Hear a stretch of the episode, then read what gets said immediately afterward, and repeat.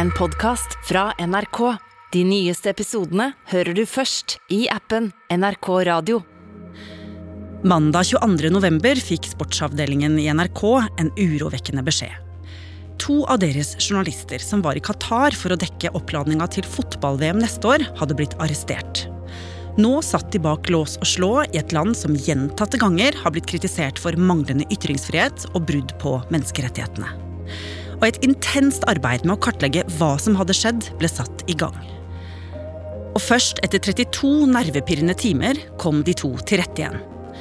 Men hvordan klarte egentlig to norske journalister å få Qatars regime på nakken? Her er en av journalistenes fortelling.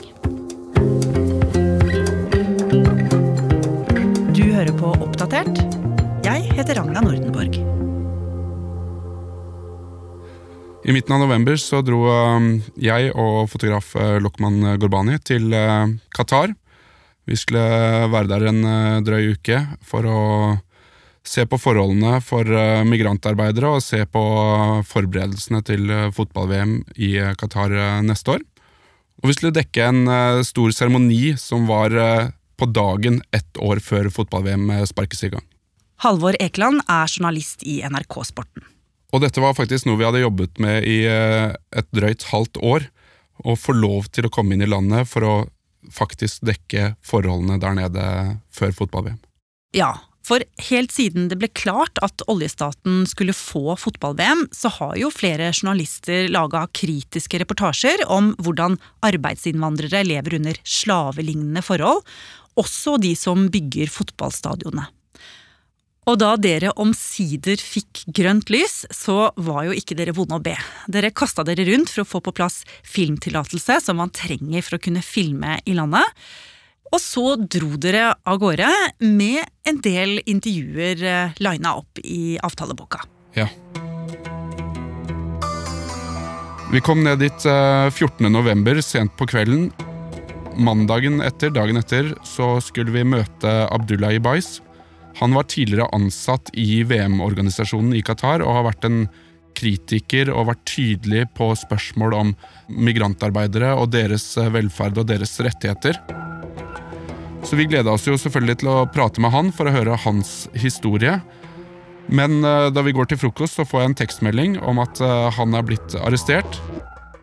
Vi vet ikke helt hvorfor, om det har en sammenheng med vårt intervju eller ikke, men eh, vi lurer jo da selvfølgelig på hva skal vi gjøre nå? Ja, men dere hadde jo en annen idé på blokka også, nemlig å forsøke å få migrantarbeiderne i tale.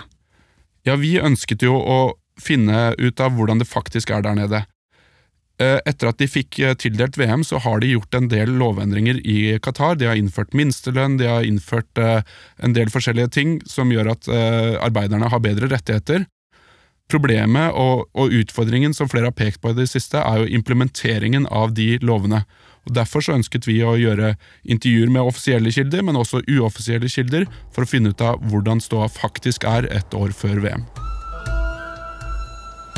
Vi drar jo rundt og prøver å oppsøke arbeidere. Eh, vi drar til et område som heter Industrial Area, hvor det bor og jobber veldig mange arbeidere. Dette er jo et offentlig område. Det er en slags bydel i, i Doha. Eh, så vi tar oss eh, den friheten og filmer i det området. Eh, og prøver også å komme i kontakt med arbeidere som er i det området. Uh, blir det Får du med deg litt? Ja, ja, ja. ja De forteller historier om hvordan arbeidsgiverne har passene deres, så de ikke kan dra ut av landet. Lønn som uteblir lav lønn, eh, og også lange arbeidsdager. Eh, jeg snakka med en som jobba tolv timer hver eneste dag, sju dager i uka. Fikk aldri overtidsbetalt, f.eks. Eh, så de forteller historier om hvordan lovverket da ikke er godt nok implementert. So, uh, is it okay that we like film you and uh, just a? Okay, no. Okay, no. Okay. doesn't need to. Okay. okay. Thank you so much. Men da dere spurte om de ville fortelle dette i et intervju, så var det jo veldig få som turte å si ja til det. Kanskje da i frykt for hvilke konsekvenser det kunne få for dem med tanke på arbeidsgiver eller myndighetene. Men dere ville jo også inn og se hvordan boforholdene var for disse arbeiderne. Men siden dette var på privat grunn, så var det jo ikke bare å dure på å sette i gang og filme. Dere måtte få et ja til det. Ja.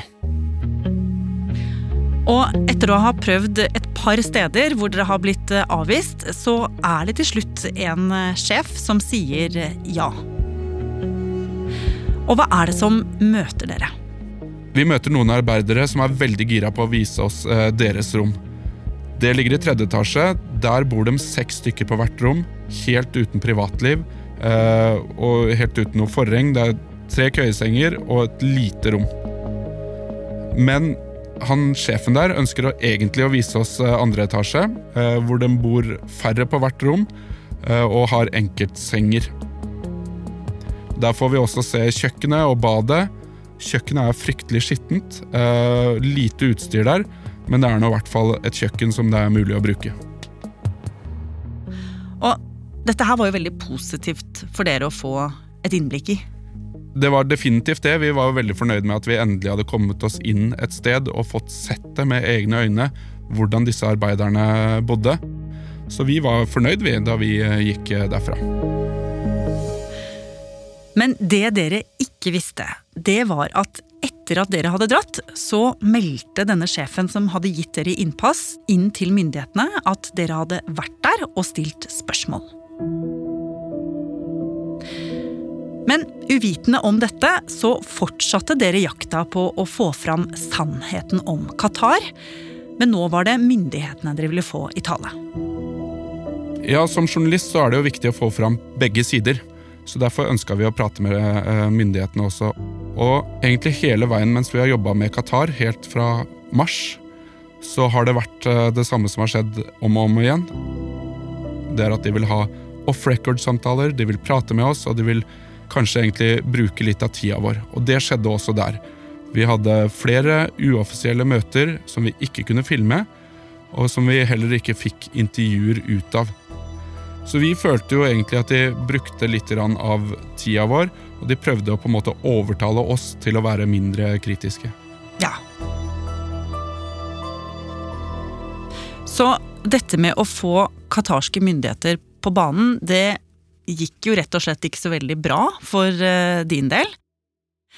Men nå hadde det jo gått så mange dager, Halvor, at det nærmet seg denne VM-seremonien som skulle markere at det var ett år igjen til eh, VM.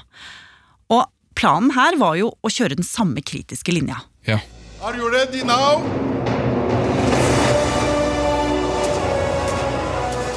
Vi rigga oss jo opp sammen med en del andre journalister på en slags sånn rød løper der.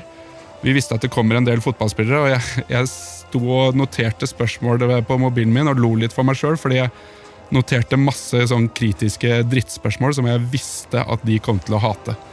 Men jeg tenker at det er det som er jobben min her, og det er det jeg er nødt til å gjøre. Og hvem var det du huka tak i først? Hello, I'm from NRK, Norway. Den første jeg huka tak i, var eh, Samuel Eto'o, som er en gammel eh, storskårer. But uh, which question? Regarding about, only about uh, the event here? Uh, no, I would like to ask you about uh, the amnesty report. No. Why not? Han ønsker egentlig ikke å gjøre et intervju om eh, menneskerettigheter og om migrantarbeidere. Men etter litt overtalelse, og jeg påpeker at ja, men du er jo faktisk VM-ambassadør, Eh, så går han med på å svare på spørsmål. Okay, yeah. Og så etter hvert kommer også Peter Schmeichel, eh, tidligere United-spiller og dansk eh, keeper. Han tror at jeg skal snakke med han om Ole Gunnar Solskjær, fordi Ole Gunnar Solskjær fikk sparken den dagen. Og det blir ikke veldig god stemning da jeg begynner å spørre om menneskerettigheter istedenfor. Hvis ikke det handler om politikk, hvorfor ville da Qatar ha fotball-VM? Nei, det skal du ikke spørre meg om. Vel. Men tror du ikke det er et politisk motiv? men, men, hvorfor spør du meg om det? Fordi du ikke vil svare på spørsmålene om fotball-VM i Qatar og migrantarbeidernes rettigheter. Om hvorfor Qatar vil ha fotball-VM, det så ikke handler om politikk. Men det var jo ikke bare spillere som var der. Nei, Etter den seremonien så fikk jeg også stilt ett spørsmål til Fifa-presidenten. Han var nok litt mer forberedt på at jeg skulle stille sånne typer spørsmål. Eh, men han la mest vekt på det positive som hadde skjedd i Qatar siden VM-tildelingen. Of course, not everything is perfect, but changes have been made, and it's fair to say that without the spotlights uh, of this World Cup, these changes would have probably taken decades. Og denne seremonien, den var jo siste dagen av ditt opphold. Og ikke bare nok med at du fyra av masse kritiske spørsmål. Underveis her så fikk du jo også beskjed om at du skulle få intervju med en av de du hadde jakta i flere måneder. Nemlig Qatars VM-sjef. Bare timer før vi da skulle dra hjem, så satte vi oss eh, ned med han. Fikk endelig stilt de kritiske spørsmålene vi ønska å, å stille. Og han forklarte oss at det er mye som har skjedd i Qatar, men det er fortsatt mye som må gjøres. Og da vi gikk fra det intervjuet, så var vi selvfølgelig veldig fornøyd med å endelig ha fått VM-sjefen Hassan Al-Tawadi i tale. Og så bar det hjem til hotellet for å få dere noen timer eh, på øyet, før dere da skulle ta flyet grytidlig om morgenen. Ja, jeg sendte en melding til kona om uh, at vi var på vei tilbake til hotellet. Og sendte også en melding til sjefen om at vi var på vei tilbake, og at jeg skulle sende en melding til kona idet jeg la meg, og til sjefen idet vi var på vei til flyet morgenen etter. Men da dere kommer fram til hotellet og begynner å pakke ut av bilen, så skjønner dere at ting skal ta en helt ny vending. Idet vi har pakka ut av bilen, så kommer det en del uh, hvitkledde arabiske menn bort til oss og presenterer seg, sier de er fra politiet. Og da skjønner jeg jo umiddelbart at uh, nå er det et eller annet som skjer, nå er vi i trøbbel. Jeg tar opp uh, mobilen min så fort jeg kan, prøver å skrive 'Police are here' på en tekstmelding og sende den. Jeg rekker å skrive 'Police are', så napper de tak i mobilen min og tar den fra meg før jeg rekker å sende den tekstmeldingen. Og like etter blir dere pågrepet og kjørt til politistasjonen. Hva er det som møter dere der? Vi kommer inn på politistasjonen. Vi blir satt i hvert vårt rom. Og så skal vi gjennom avhør. Og jeg sitter der og venter i rundt fire timer. I den venteperioden der så prøver nok de å dra oss ned psykisk.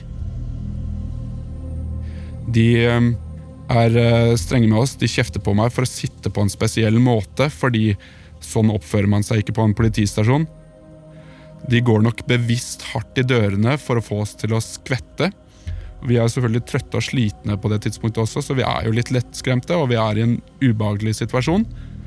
Men skjønner jo at vi må bare gjennom dette her, og forhåpentligvis så er dette her fort over, og vi kan komme oss hjem til Norge.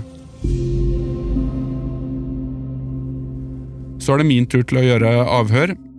De er strenge med meg, de kjefter på meg, og de stiller spørsmål om hva det er vi har gjort, og vi må forklare hele eh, hendelsesforløpet, hele uka vi har vært der nede, hva vi har drevet med, og hvor vi har filma, og hvor vi har vært, og hvem vi har snakka med.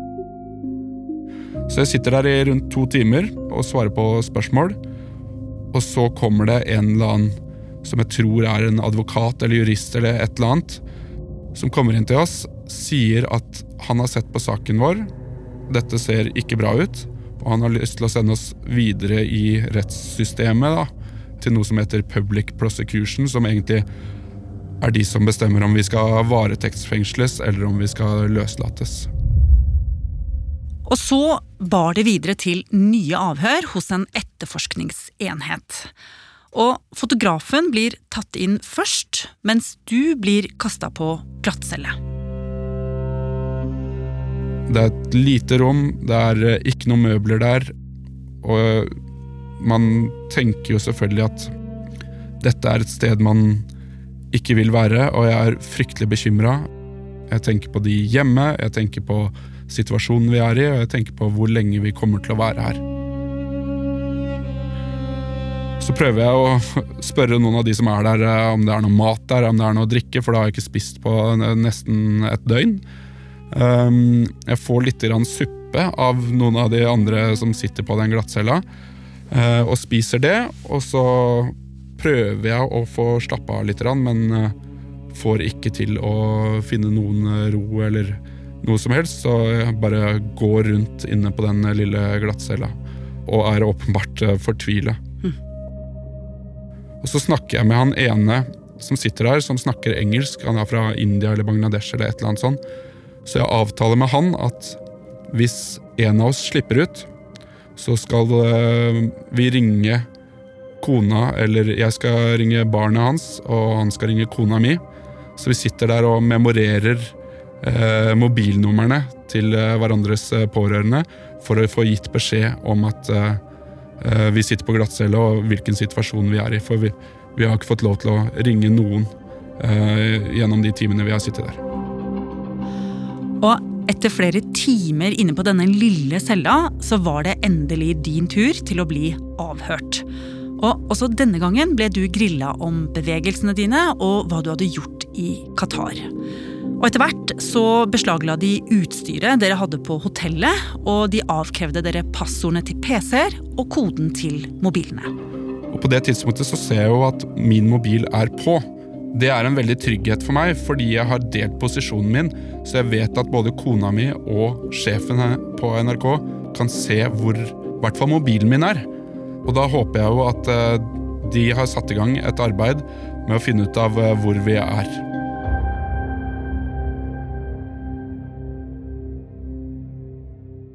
Mandag morgen våkna jeg kvart over sju rundt der. Og da gjør jeg jo som alle, alle gjør, sjekker telefonen. Eh, I større grad fordi at eh, jeg vet jo at eh, Halvor er i Qatar. Hanne Marie Brevik er reportasjeleder i NRK Sporten. Og det var hun som hadde kontakten med de to NRK-journalistene. Og så legger jeg jo merke til at han ikke ikke har sendt meg en melding. altså Den siste meldinga jeg fikk, fikk jeg jo klokka ti kvelden før. Og der han sa liksom at uh, alt er greit, så jeg er på, tilbake på hotellet straks. Så tenkte jeg ikke noe mer over det, fordi at uh, han skulle jo ta fly klokka 06.00 norsk tid. Altså det var jo veldig tidlig fremdeles, så tenkte jeg at han kanskje han ikke ville vekke meg eller et eller annet. Så jeg tenkte egentlig ikke så mye over det. Så får jeg da en melding fra kona til mm, Halvor klokka åtte. Med spørsmålet 'Har du hørt noe fra Halvor?'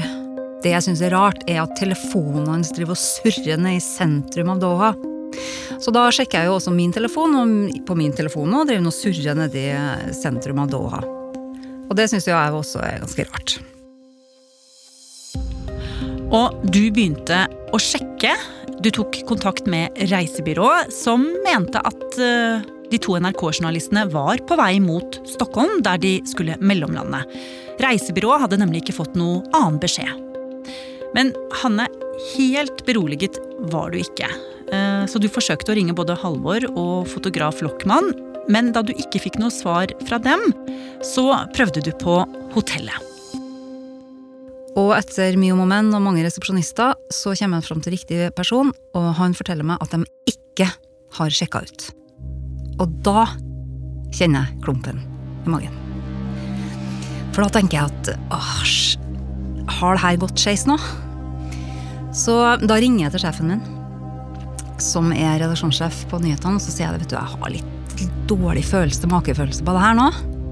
Nå er det flere indikatorer på at det er noe som ikke stemmer. Og Ganske raskt så ble det jo satt en krisestab i NRK, og Utenriksdepartementet og Fifa ble kontaktet. Og like etterpå så ble det jo bekrefta. Dine to medarbeidere satt arrestert i Qatar. Og alle forsto jo nå at dette var en veldig uvanlig, men også alvorlig situasjon, Hanne. For det første så er det jo Qatar. Altså, vi har ikke en eh, ambassade der engang. Vi har jo noen linjer dit. Det er et berykta regime som fengsler mm, regimekritikere. Så det er jo det derre ryktet til Qatar òg som ligger fremmest i pannebrasken. Og så er det jo fryktelig alvorlig faktisk at det er to journalister som er på jobb. Og når de da kaster dem på glattcelle, så er det et overtramp de luxe. Altså, da er det et angrep på fri presse. Og Halvor, mens de jobba på spreng i Norge, så så jo ikke situasjonen så veldig lys ut for deg. Du satt jo fremdeles arrestert. Nei, for nå skulle jo alle våre avhør, forhør, alt vårt videomateriale til en slags rettshøring, hvor vi også måtte møte opp og forklare oss for da tredje gang. Og vi skjønte at utfallet av den rettshøringen det var to mulige scenarioer. Det var enten at vi ble løslatt, eller at vi måtte inn i en rettssak og skulle varetektsfengsles og bli der lenge. Rett og slett bli strafferettslig forfulgt i Qatar. Ja. Og så ble det nye runder med forklaringer og ikke minst venting. Og ca. 30 timer etter at eh, politiet tok dere, så banka det på døra. Og da fikk dere beskjed om å skrive under på noen dokumenter som sto på arabisk. Dere ble tatt med til et rom for å ta mugshots og fingeravtrykk. Og da dere hadde gjort det, så ble dere vist videre. Vi går og henter bagasjen vår. Vi vet fortsatt ikke om det er for å ta den med videre, eller hva det er. Så går vi bortover en gang, og så kommer vi til en dør, utgangsdør, og så sier de at uh, der er døra. Sjåføren deres står og venter på dere på utsida. Hjemme i Norge våkner Hanne til dag nummer to uten kontakt med Halvor og kollegaen hans. For hun er helt uvitende om det som nettopp har skjedd i Qatar.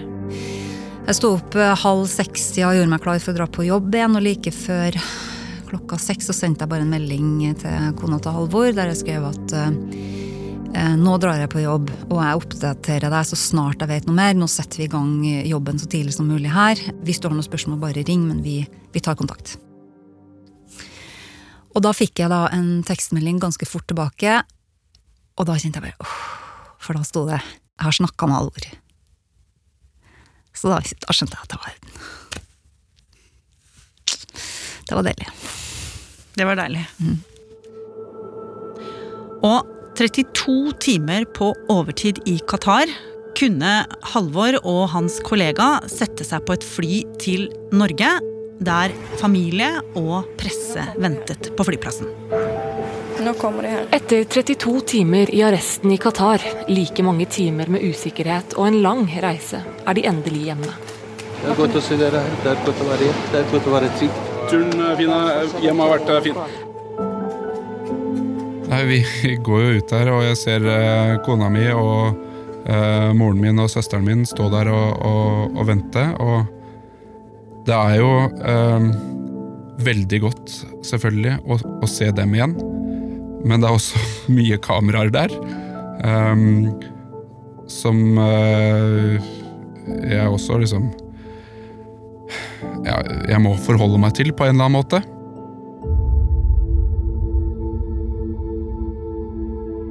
Den dagen er kona mi med meg hele dagen.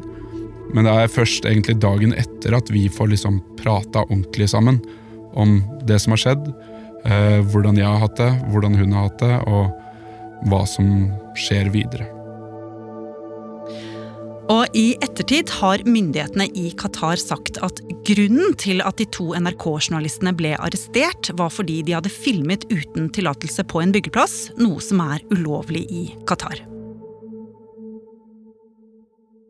Og Halvor, når du ser tilbake på disse dramatiske døgnene, hva tenker du om det som skjedde deg og din kollega? Det har selvfølgelig vært en ubehagelig opplevelse som man går og tenker mye på i ettertid. Men jeg har jo ikke vært utsatt for noe vold eller trusler eller noe som helst sånn, så det, det går fint med meg. Og jeg sitter jo igjen med en tanke om at dette viser hvor viktig det er å dra til Qatar, lage journalistikk derfra, og min opplevelse er jo på en måte veldig betegnende for eh, noen av utfordringene man har i, i det landet der et år før VM. Og hvis noen lurte, Halvor holdt løftet sitt fra fengselscella. Da han kom ut, ringte han familien til den fengslede cellekameraten, og de kunne fortelle at også han var blitt løslatt. Og jeg, Ragna Nordenborg, takker for følget i disse to årene jeg har ledet Oppdatert. Nå venter nye eventyr på meg, men fortvil ikke. Oppdatert fortsetter med full styrke.